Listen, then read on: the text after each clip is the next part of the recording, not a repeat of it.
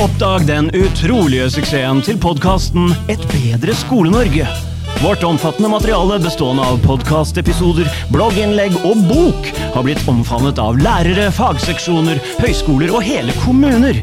Fra Finnmark til Agder, fra Bergen til Indre Østfold har profesjonsutøvere bekreftet nytteverdien.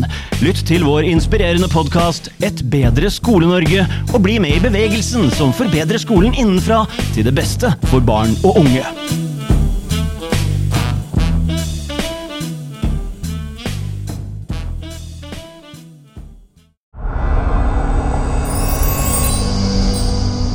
Bedre Skole-Norge. Skole-Norge. Velkommen til Et bedre Skole-Norge. Noen kaller mobbing for sosiale prosesser på avveie, og fremfor å sette inn en rekke tiltak for å unngå mobbing, kan man kanskje komme det hele i forkjøpet ved å skape et fellesskap, et såkalt gyldig vi. Fremfor å rette inn tiltak mot enkeltpersoner, hva med å heller skape en sterk fellesskapskultur i utgangspunktet, via undervisningen og skape laget gjennom faget? Vi skal i denne episoden møte Helle Rabø Hansen, som er en dansk eh, forsker og kanskje kjent som Danmarks mobbeforsker. Vi gleder oss veldig til å møte henne, og etter du har hørt denne podkasten, så vil du vite hvilke tre punkter fellesskapende didaktikk består av, og hva det er. Velkommen hit, eh, Helle Rabø Hansen. Mange takk. Et bedre Skole-Norge. Skole-Norge. Veldig glad for å ha deg her, og vi har jo snakka litt eh, allerede en stund om å prøve å få det til, og nå, nå fikk vi det til. Så, og du, du tok av meg flyet for å komme hit, så det er dypt beæra for at du gjorde. Tusen takk. Velbekomme. Altså, Fellesskapende didaktikk er jo én type didaktikk. Men kan du nevne hva er vanlig didaktikk, eller kan du si noen andre typer didaktikker? Ja, der er jo den vi kender bedst i skoleverdenen, øh, en mere traditionel form for didaktik, som ofte er delt i to. En didaktik, der handler om fagene, altså fagenes læringskunst, kunne man sige. Og så har vi noget, der hedder almen didaktik, som er ja, noget, der går på tværs. Der er jo ikke noget galt med den traditionelle måde at tænke i didaktik på, hvis den bevæger sig. Det, der er udfordringen, det er, at i praksis ser vi ofte, at didaktikken bliver reduceret til undervisningsteknikker. Men det er jo bare mekanik. I selve didaktikkens oprindelighed, også i ordet didaktika, betyder jo læringskunst, der tænkte man ikke i teknik, der tænkte man faktisk mere i ånd. Man tænkte, hvordan kan elever lære bedst? Hvordan kan man passionere dem, vende dem, så de også bliver lærer for hinanden? Det var faktisk Gomenius, da han opfandt det her begreb i 1700-tallet. Så langt skal vi tilbage mm. i det, der i dag hedder Tjekkiet. Det var det, han lagde i ordene, altså faktisk sådan en frisættelse mm. af læring. Og så tog industrien over, og, og så fik vi altså en mere mekanistisk form for didaktik. Det er sådan, kan man sige, den måde, som didaktikordet blev født på, øh, og så lidt om, hvordan, øh, og især i de senere år, øh, er det som om, at det er blevet endnu mere teknisk. Måske fordi, at vi i desperation forestiller os, at vi skal blive endnu bedre undervisningsteknikker, fordi at børn og unge i dag er anderledes, end de var for 10 og 20 år siden. Mm. Jeg kan relatere litt til det, for på vår skole så følger vi ikke én pedagogisk retning. Vi har tro på en systematisk variasjon. At vi bytter, sånn at det kan være at læreren har kunnskapsinnføring med powerpoint eller modellering i uke én, og uke to og tre er mer samarbeidslæringsteknikker. Eller, ikke sant? Men det kan også bli veldig teknisk. At det blir sånn nå er det uke to, da må jeg ta en uh, viss form for samarbeidslæringsteknikk. da. Mm. World Café eller et eller annet. Men det kan bli veldig mekanisk. Og, og det er viktig at de verdiene, eller hva man kaller det, det, det som styrer bak, altså at man har barn og unges beste for øye, det er viktig at det følger med på lasset. da. Mm. Men det lyder alligevel litt interessant at I har en intention om variation. Mm. Så øh, du må overveje at invitere mig ud på den skole Ja, ja, ja. en gang. Ja, Næste ja. gang måske. Ja, ja. det har vært uh, kjempefint. Um, men fellesskapende didaktikk, um, hva er det, da? Det er en undervisning, som retter sig mod fællesskabet. Og man kan også sige, at den ikke bare kigger på fællesskabet. Det er også en undervisning, der bygger på viden om, hvor vigtigt fællesskabet er for elevernes udvikling. Mm. Hvordan de har det i fællesskabet. Bliver de trykket ned, eller er det et tolerant øh, fællesskab? Er der et fællesskab mellem lærerne og eleverne? Det er jo en betingelse. Det er et vilkår. Så fællesskabende didaktik tager udgangspunkt i, at vi er sociale væsener, at læring er en social dynamik, og med den viden, der forsøger man at gøre undervisningen til noget, der kan samle eleverne, frem for som det indimellem bliver i dag, noget, der sorterer børnene i, hvem der kan, hvem der ikke kan, hvem der vil, hvem der ikke vil. Så er ideen med fællesskabende didaktik at forsøge at skabe et undervisningsvi. Det er sådan den korte variant. Veldig fint. Jeg har lest litt i den grønne boka som eh, heter 'Mobbeforebygging i et fellesskapsperspektiv'. Og Der står det vel litt om at eh, det er et eksempel fra en skole. jeg tror, eh, ja, Den er anonymisert, men der er det vel sånn at lærerne har et veldig de, de lagde litt sånn flinke elever og slappe elever, eller noe sånt, og det skapte en dynamikk i fellesskapet i klassen. At de flinke elevene i gåsetegn, de ble frekke mot de late elevene. Og det ble det nærmest en aksept for blant lærerne. Sånn at det er vel et eksempel på at de voksne, uten å egentlig mene det, skaper eh, en fellesskapsstruktur som er negativ. Ja, der kan ske det. Altså, der er selvfølgelig ingen lærer, der har den intention til at starte med, at de vil sortere eleverne. Men der kan ske det for, en, for os, der er lærer. Jeg er jo også lærer, bare for store børn på universitetet. Vi er jo som regel er vi jo op meget optaget af vores virke, af vores gerning. Så vi kan komme til at udvikle en alliance med de børn, der gerne vil.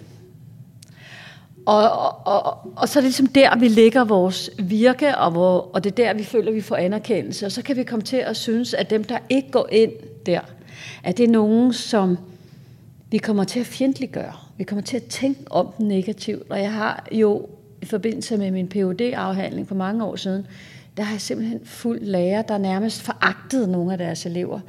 Fordi de følte, at de elever ville tage magten fra dem, øh, og, og bruge den magt til, at man ikke skulle gå ind i undervisningen. Og det er jo selvfølgelig synd, det er jo en form for afmagt, men det er ikke nogen vej at være lærer i. At være lærer er jo netop at, at vinde elevens interesse, uanset hvad eleven kommer med. At være didaktisk kreativ på, hvordan er det, jeg får ham, og hvordan får jeg hende med? Og så tænker du måske, hvad har det med fællesskab at gøre? Men det har alt med fællesskab at gøre, fordi eleverne jo også indbyrdes laver et relationelt hierarki.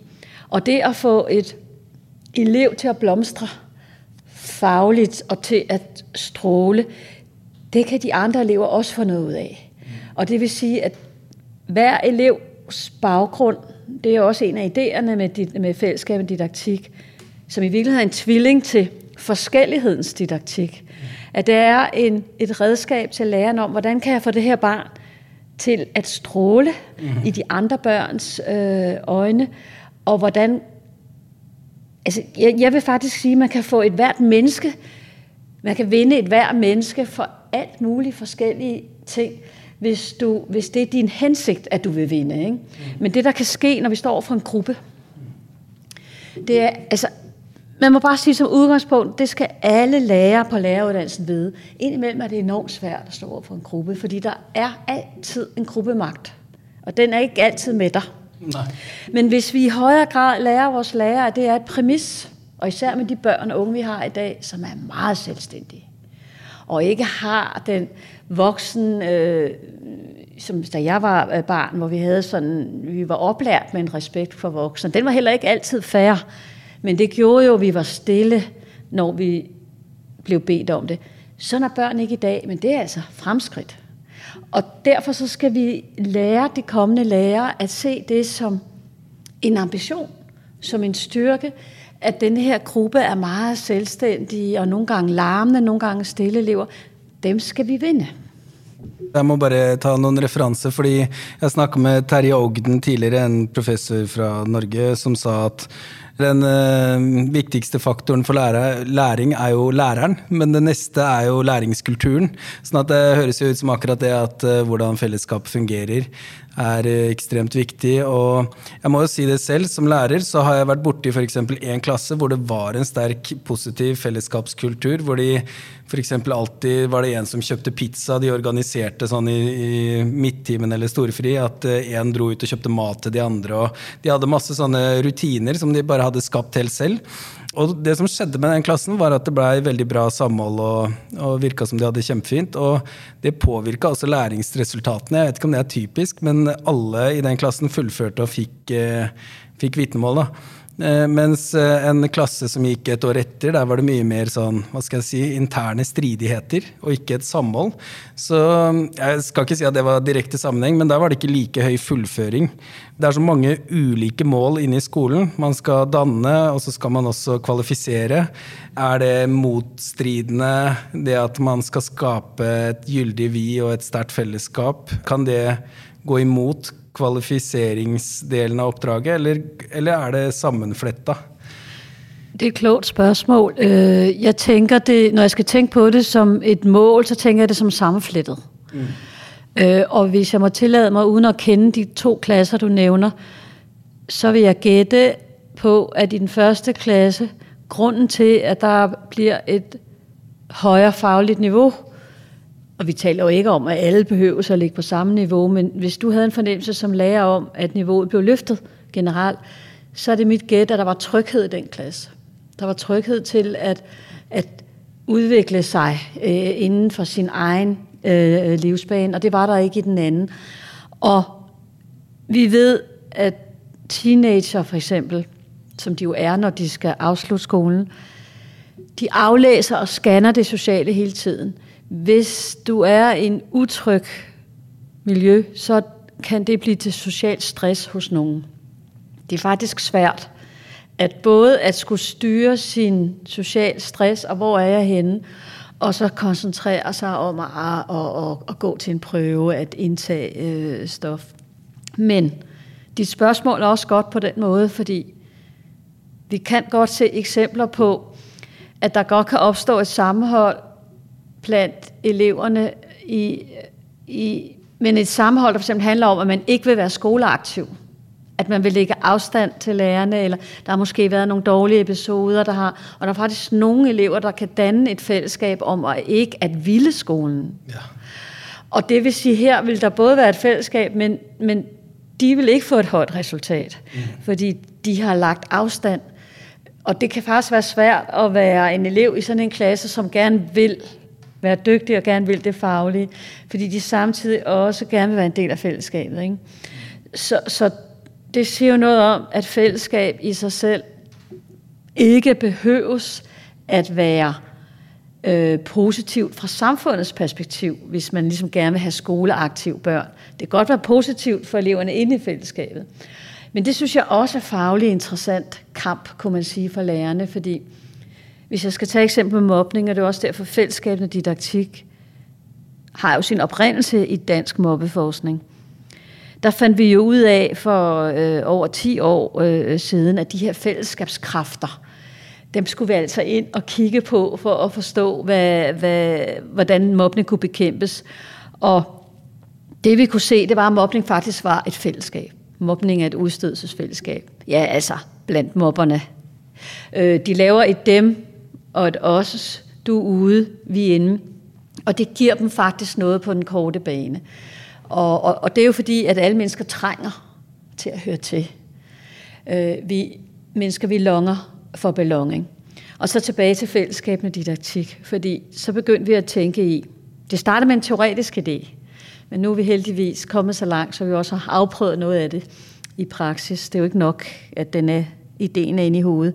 Men vi fik den idé, aha, mobbekraften er så stærk, fordi der er nogen, der får et fællesskab ud af det, og det kan ødelægge det for nogle andre, det kan ødelægge undervisningens resultater, fordi at alt handler om at komme ind i, i det der uformelle fællesskab. Hvad hvis nu undervisningen havde den samme kraft? Og altså ikke udstødelseskraften, men den samme kraft i at, at være magnetisk, altså at man gerne vil være med, så, får, så behøver man jo egentlig faktisk ikke at mobbe. Eller, så får mobningen jo ikke den benefit, øh, som der ligger i det. Og det var nogle af, af starttankerne, og, øh, som så efterhånden arbejdede vi øh, begrebet op. Og det var netop i respekt for, at, at fællesskaber kan have mange forskellige slags former, og fællesskaber kan have negativ øh, betydning for nogle ting, og positiv betydning for noget andet. Mm. Sånn jeg har forstått norsk mobbetradisjon, så er det prega mye av Oliveus-tankegangen eh, om at eh, hvis det er mobbing, så må vi rette inn tiltak mot de som mobber, og så eh, få de til å slutte å mobbe, eventuelt med sanksjoner og veldig sånn. da. Og det ser jo Altså, jeg tror absolutt det fungerer, men da kommer man jo i etterkant av problemer, slik jeg forstår det. Det her er et annet perspektiv som Jeg forstår det sånn at det er du som har eh, innført det perspektivet her, eller kommet, eh, i hvert fall spredd det og formidla det. sånn at eh, det er det at du sier noe sånt som at fellesskapet skapes kollektivt eller noe, men det rammer individuelt. Er det ikke noe sånt? Jo, øh, ret godt husket.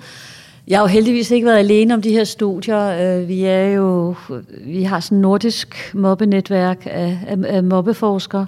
Men det er rigtigt, jeg har været aktiv med det lige siden jeg blev færdig som øh, jurist i Danmark i 1998. Øhm, men, men det, jo, du har fanget det øh, fuldstændig øh, korrekt. Øh, mobning skabes socialt. Det er et socialt fænomen, en social dynamik, men det rammer højst individuelt. Og, og det betyder, at det er svært at sætte en meget fixeret skabelon hen over en gruppe og, og, og udpege øh, øh, udøver og offer. Man kan godt gøre det, øh, fordi der er også nogen, vi skal passe på i det. Men samtidig ligger der en forsimpling. Hvordan det? Fordi en udøver af det her sociale dynamik mobning vil jo aldrig have været udøver, hvis der ikke var nogen omkring ham eller hende.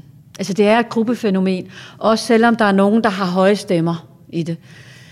Øh, men det, mobningen vil ikke leve, hvis ikke at der var en, en vis fascination eller frygt for det der mobbende hierarki, det der mobbende system.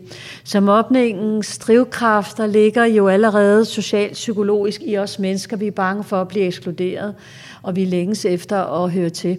Og hvis man ikke ser det, så vil man gå for meget efter enkeltpersoner. Og der har der været en tendens til, øh, og er stadigvæk, øh, fordi det var den første viden, man havde om mobning, at man, man finder mangler for eksempel hos udøveren, det kan være en aggressiv person, der ikke er opdraget ordentligt, og at offeret skulle være en svag person. Men det viser sig, når man følger en skoleklasse, det kunne lige så godt være omvendt. Mm. Altså det er, der, der er langt flere ting på spil i sådan et gruppemønster, øh, og hvordan vil du straffe så? Ikke? Øh, og en af grundene til i øvrigt, at, at vi har været så optaget af at kigge på aggressivitet for eksempel, det er jo, at mobbeforskningen, og Norden er jo det første sted i verden, så vi har øh, vi skylder Dan Olveus en masse. Han er den første mobbeforsker øh, i, i verden. Men vi skal huske, at den forskning startede med slækkerhed mobning. Det var forskning i drenges aggressivitet i skolen. Og når jeg nævner det, og det er altså tilbage i slut 60'erne, start 70'erne, så er det fordi, det kom til at påvirke de mange års mobbeforskning efterfølgende og stadigvæk, at man kigger efter aggressivitet. Men alle, der har arbejdet nært med børn og unge, ved jo, at nogle af de her udstødelsesmekanismer slet ikke har en aggressiv form. Du kan, der er også noget, der hedder silent bullying, altså der kan være tavs mobning. Den kan være passiv, aggressiv, eller slet ikke aggressiv overhovedet. Den kan være fuld af koder, øh, og den kan være meget øh, subtil. Men fordi vi har kigget efter det andet i årtier, så har vi tendens til at vil udpege skyld. Vi har tendens til at vil udpege bad guy, bad girl. Øh, og det har øh, snævret vores blik, og så har vi ikke set fællesskabet som en, en betingelse. Jeg tar en liten uh, avstikker, fordi jeg har sett litt på en sånn dokumentar på HBO eller noe om danske Hells Angels. og der har man jo, De har jo også et behov for belonging eller tilhørighet, sånn jeg forstår det. sånn at Der er det en veldig rar mekanisme om at de kriger. Da er det to MC-gjenger som kriger og skyter hverandre og dreper. Og så etterpå, noen år etter, så bytter de gjeng, og så blir de med i den gjengen de har kriga mot. Eh, sånn at eh, en, en, som sitter og analyserer litt i den dokumentarfilmen, sier liksom at alt man slåss for hele tida, er jo ære og eh, sin gjeng, men plutselig så betyr det jo ingenting idet man bytter gjeng. Så det betyr jo at egentlig så søker de bare tilhørighet. ja, det er, en ja, det, er en god, det er en god sammenligning. Og i øvrigt, det er godt nok en lille del af mit øh, forskerarbejde, men jeg har deltaget i dansk bandeforskning, øh, som handler om, hvordan yngre drenge bliver tiltrukket af, af det her brotherhood. Mm. Øh, og, og det er enormt interessant, at du bare kan bytte den ene bande ud med den anden, men det er jo egentlig det samme. Det er den samme dybe længsel, og det er den samme øh, samhørighedstrang, men også at blive set, men også at kunne tage magten. Øh, og det er jo det, banderne gør inden for deres territorier, men også øh, fordi mange er så bange for dem. I øvrigt så er det meget interessant at se, hvor mange af bandemedlemmerne, af de bandemedlemmer i Danmark, som i det projekt, vi har fulgt øh, i, i Danmark, der er rigtig mange bandemedlemmer, der har en meget negativ skolenarrativ negativ skolehistorie. Ikke dem alle sammen, men en stor del af dem. Øh, altså de har oplevelse af at være meget, eksklu- har været meget ekskluderet i skolen. Øh, det kan være på mange niveauer. Øh, og det er jo meget interessant, fordi jeg tror faktisk, at der ikke en til en, ikke, ikke direkte, men der er indirekte forbindelser imellem at være mislykket i skolen. Fordi der får du så ikke opfyldt din trang til at være et vi.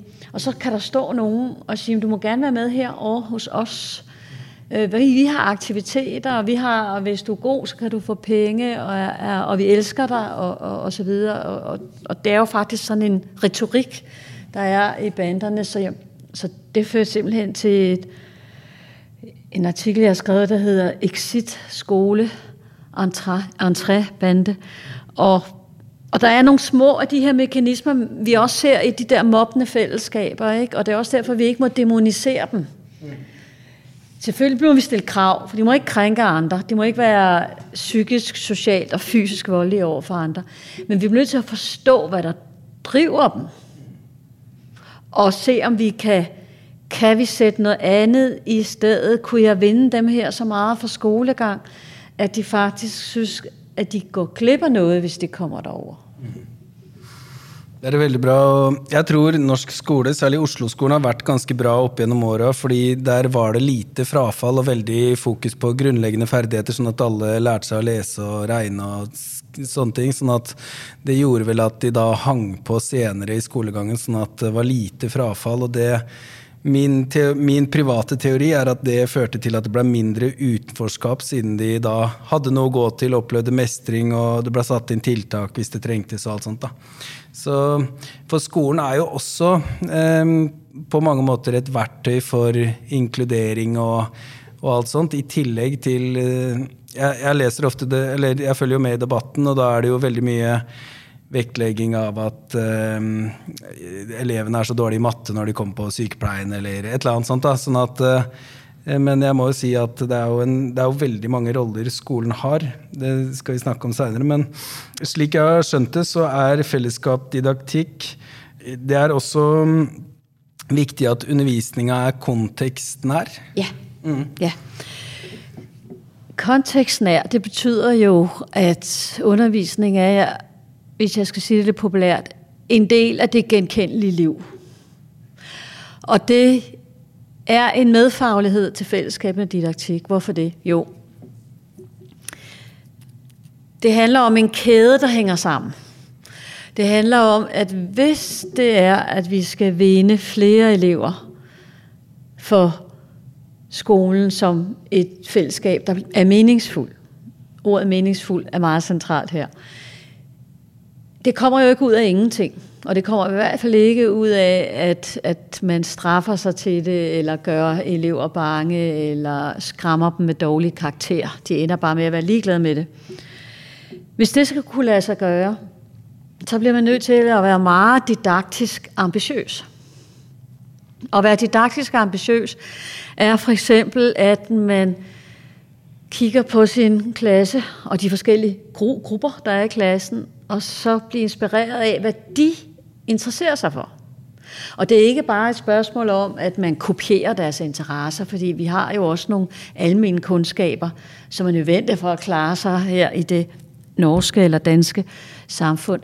Men det handler om, hvordan man kan koble børnenes liv, konkrete liv, til det, der skal læres fagligt. Og det kan være alt muligt. Det kan være, hvad er det for et kvarter, skolen ligger i? Hvad er det for et land? Når jeg lige siger land, så er det også, fordi jeg arbejder i Grønland. Så der er, jeg arbejder både i Grønland og Danmark. Der er jo faktisk forskel på hvad, hver lands særegenhed. Ikke? De fleste skoler og lærere er rigtig gode til at tage land med ind.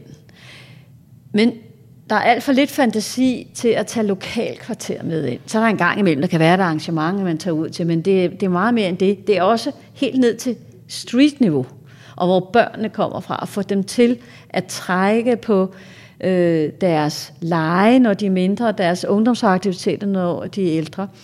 Så er det også børnenes hjem. Altså jeg vil sige, et hvert hjem er unikt, har sin egen historik, har sine egne vaner og rutiner, sine egne traditioner. Og hvorfor ikke flette det lidt mere ind øh, som en, en opmærksomhed, som en øh, undervisningsdynamik, at, at øh, børnene får lov til at formidle noget øh, fra deres øh, eget liv. Men det meningen er, at det ikke skal være løsredet for undervisningen, men at man skal tænke i, hvordan kan jeg koble det til det, vi nu skal undervise i? Og et, hvis jeg må komme med et eksempel, som jeg også gav dig, da du hentede mig på Oslo Centralstation. Et meget godt eksempel, jeg har på det, er faktisk fra Grønland. Som er øh, fra sådan en, en klasse her, preteens, en hver lærer ved, hvad det betyder. Der begynder at komme nogle ekstra udfordringer. Øh, eleverne begynder at være meget optaget af begyndte livsstilsvalg og hinanden øh, på en anden måde end tidligere og så videre.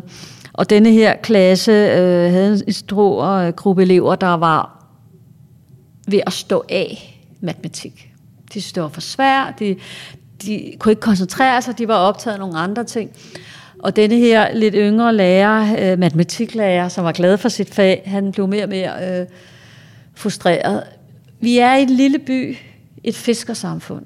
Næsten alle fædrene ved denne her klasse var fiskere. Mange af drengene havde selv en ambition om at blive fisker, især på det her tidspunkt, da jeg stødte på det her, fordi der var gode fiskesæsoner. Det er der så ikke altid. Det hører også med til historien. Og nogle af de her drenge forsvinder også fra skolen, ved man, øh, når de bliver ældre, fordi de hellere vil ud at fiske. Når der så er dårlig fiskesæson, og så har de minus skolekompetencer og kan ikke lave noget andet. Så du får en restgruppe. Så får den her lærer en idé det er, at han tager dem med ned på havnen. Og så har han aftalt med fiskerne, at de skal fortælle og lære eleverne, hvordan de bruger praksisregning. Og det fungerer altså på den måde, at de her fiskere, det er overleveret læring. De har nogle måder, de kan udregne rumforhold på, og de kan simpelthen få en kasse hellefisk, og så kan de næsten på gram nøjagtighed udregne ved syn smål, hvad det vejer, hvad de, den her kasse vejer. Og det forsøgte de her fiskere så, den skill, at give videre. Og, øh, og det var med stor øh, passion dernede på havnen, og, øh, og med stor stolthed i et samfund, hvor det betyder noget. Og så tager den her lærer med eleverne, tager den knowledge med ind i undervisningen efterfølgende, arbejder med det som et, et, et, et projekt. Og der oplever han, at interessen går fra nul og bare opad simpelthen. Hvorfor? Fordi det er meget hverdagsnært for dem. Men det er ikke kun et kopi af hverdagen. Læreren formår at rykke det op i niveau. Men nu forstår de relevansen.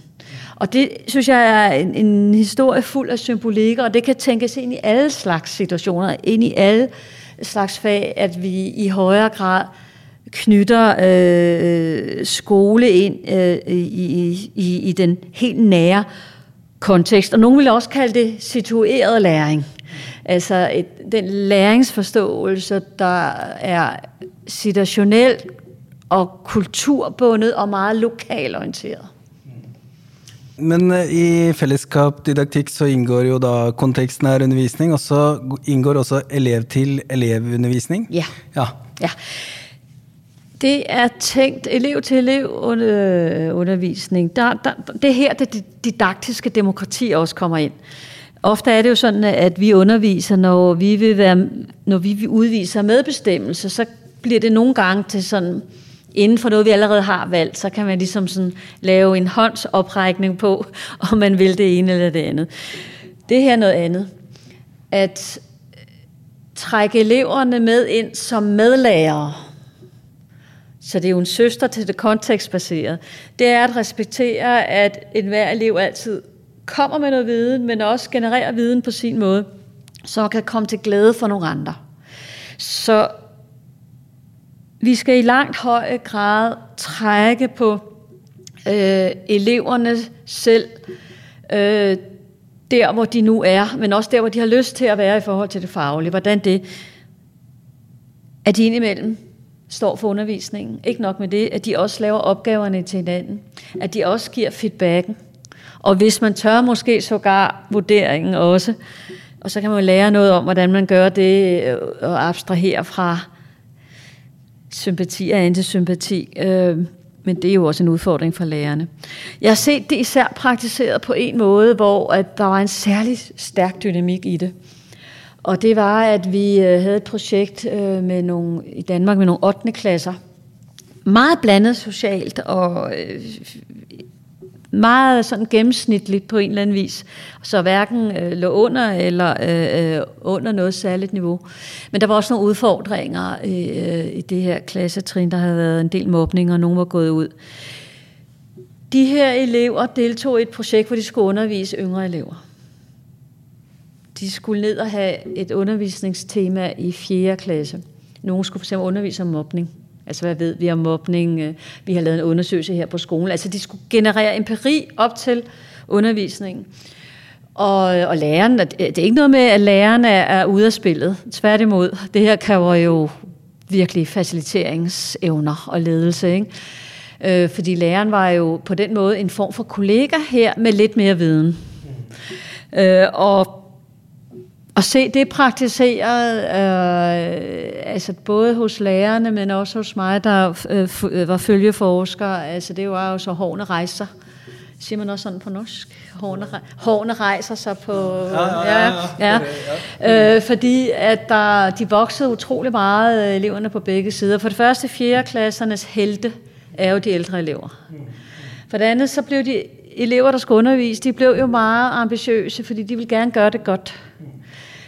Og vi ved jo fra la- øh, viden om læring, altså om kognitive færdigheder, at det at skulle lære fra sig, er utrolig lærerigt, fordi de ting, du selv er lidt usikre på, det at du skal formidle det, det at du sætter dig ind i det, det gør, at du simpelthen får et lag mere. Mm. Øh, og, og, og det er i virkeligheden øh, lavt frugter, som vi ikke dyrker nok, fordi vi stadigvæk ligger i den gamle didaktiske model, der hedder, det er læreren, der ved, og alle andre er lidt tomme. Men sådan er det jo ikke.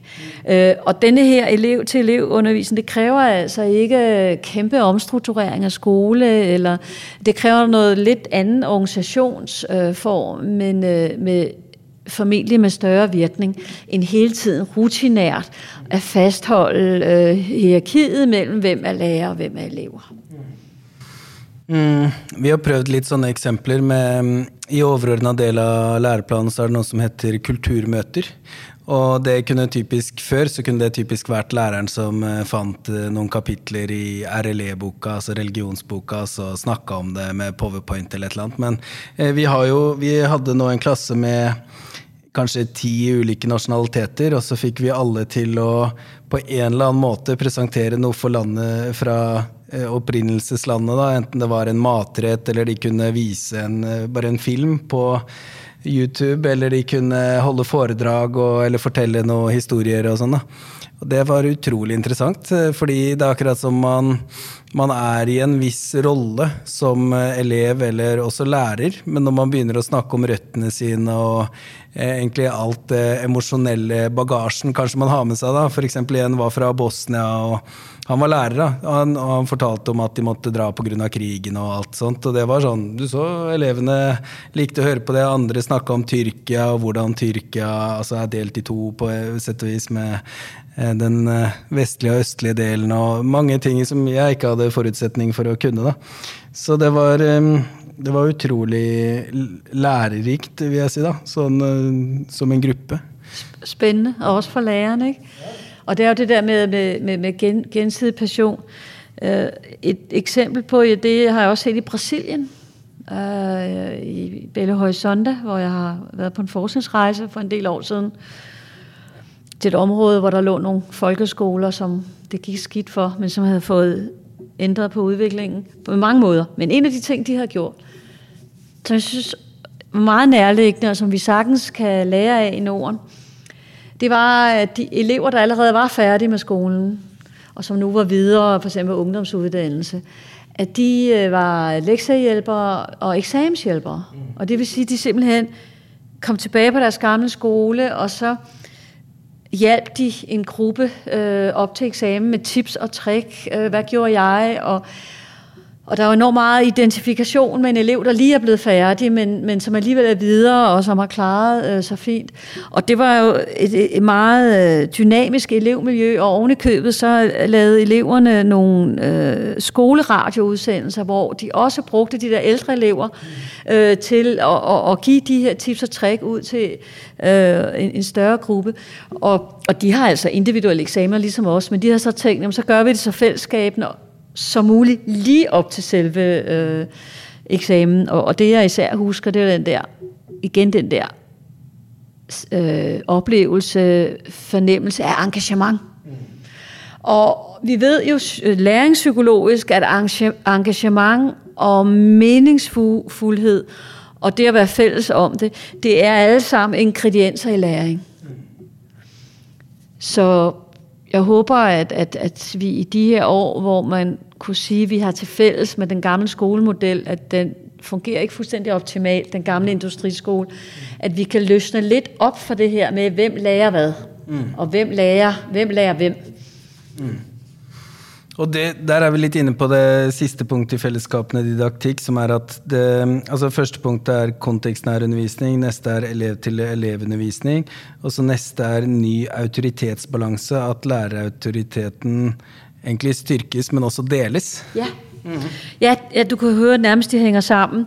Ja, den deles på den måde, at hvis du gør eleverne til medlærer, processuelt selvfølgelig, mm. øh, og jo, jo ældre, jo mere øh, terræn, så har du også rykket ved den gamle auto- forestilling om en autoritet, og det er jo den, der er blevet udfordret med en ny børne- og unge generation. At nej, vi er ikke, børn er ikke automatisk stille, når læreren øh, øh, kommer ind med. Altså sådan er det ikke længere og i et moderne samfund. Og det, for at sige det igen, det mener jeg jo så er udvikling, så jeg beklager det ikke. Mm, det er både delt, men det betyder rent faktisk, at vi så må se på, hvad er det så for en slags autoritet, læreren sidder tilbage med. Ja. Øh, og, og, og jeg tænker, at det måske i virkeligheden er en vanskelig autoritet. Fordi at det, du går ind med, er netop, at du skal vinde. Men du ikke vinder ved, at kræve tavshed eller ved at bruge straffe, men at du vinder ved faglig engagement og passion, og at du også bliver en ret dygtig leder, øh, fordi for du skal faktisk lede dine medlærere, øh, og det er de her elever, som er i, i vækst. Så, så det øh, kræver jo nogle ting. Mm. Øh, og det kræver for det første, at vi, vi, vi, vi har en læreruddannelse, mm. som også beskæftiger sig med det her. Øh, hvad er lærerens øh, autoritet i år 2023? Øh, og det er også lade det smitte af på de lærere, der så allerede er øh, lærer. Men så vil jeg sige, at det også, vi, det også kræver, det bliver jo allerede eksperimenteret med, også her i Norge, at vi bør overveje et mini, minimum kollektiv ledelse af klasserne. Vi bør genoverveje, om vi skal have to lærerordninger øh, permanent igennem alle årene. Og, og, og jeg vil med det samme sige, og det ved vi allerede fra forskning i Norden, to lærere giver ikke automatisk bedre undervisning. Det handler mere om, hvad man vil med det lederskab. Men, men det, jeg tænker i, er ikke bare at fortsætte med det samme, og så er der bare to øh, stemmer, men det er netop øh, den her mulighed for at lade læreren, at, at, det, at lærerne også skal give hinanden kritik og feedback, men også kan være forgrund og baggrund øh, i de her processer, hvor at øh, eleverne skal være medlærer. Øh, og så er det selvfølgelig også for at bryde med forestillingen om, at at klassen er lærerens individuelle projekt. Nej, det er øh, et, at læreren er samfundets monitor mm. ind i. Og selvfølgelig har man brug for en marker ja. i, i, i den ret store opgave. Det er en stor opgave. Jeg anser lærer for at være en af de allervigtigste mm. professioner, som vi har. Fordi det er altså dem, der skaber. Den vigtigste person, der skal skabe passion for at deltage i skolen. Helt eh, utrolig bra. Jeg tror vi avslutter denne episoden der. Så for å oppsummere svært kort, så mm, springer fellesskapene didaktikk ut av mobbeforskning, hvor man da ser mobbing som en sosial prosess som rammer enkeltindividet. Og mm, for å, mm, for å unngå at det blir eh, et uheldig fellesskap der man samler seg om mobbing som et felles prosjekt, så er det bedre at læreren eh, legger opp undervisninga på en måte som gjør at man skaper lag laget gjennom faget. Og da er det tre punkter som, er, ehm, som kjennetegner fellesskapene didaktikk, og det er at undervisninga er kontekstnær, at det er en elev-til-elev-undervisning, og at det da oppstår en ny autoritetsbalanse hvor lærerautoriteten styrkes og deles. Tusen takk for at du hørte på. Tusen takk eh, til Helle Rabbe Hansen. Eh, bli med, gjør Skole-Norge bedre. Takk for at du hørte på.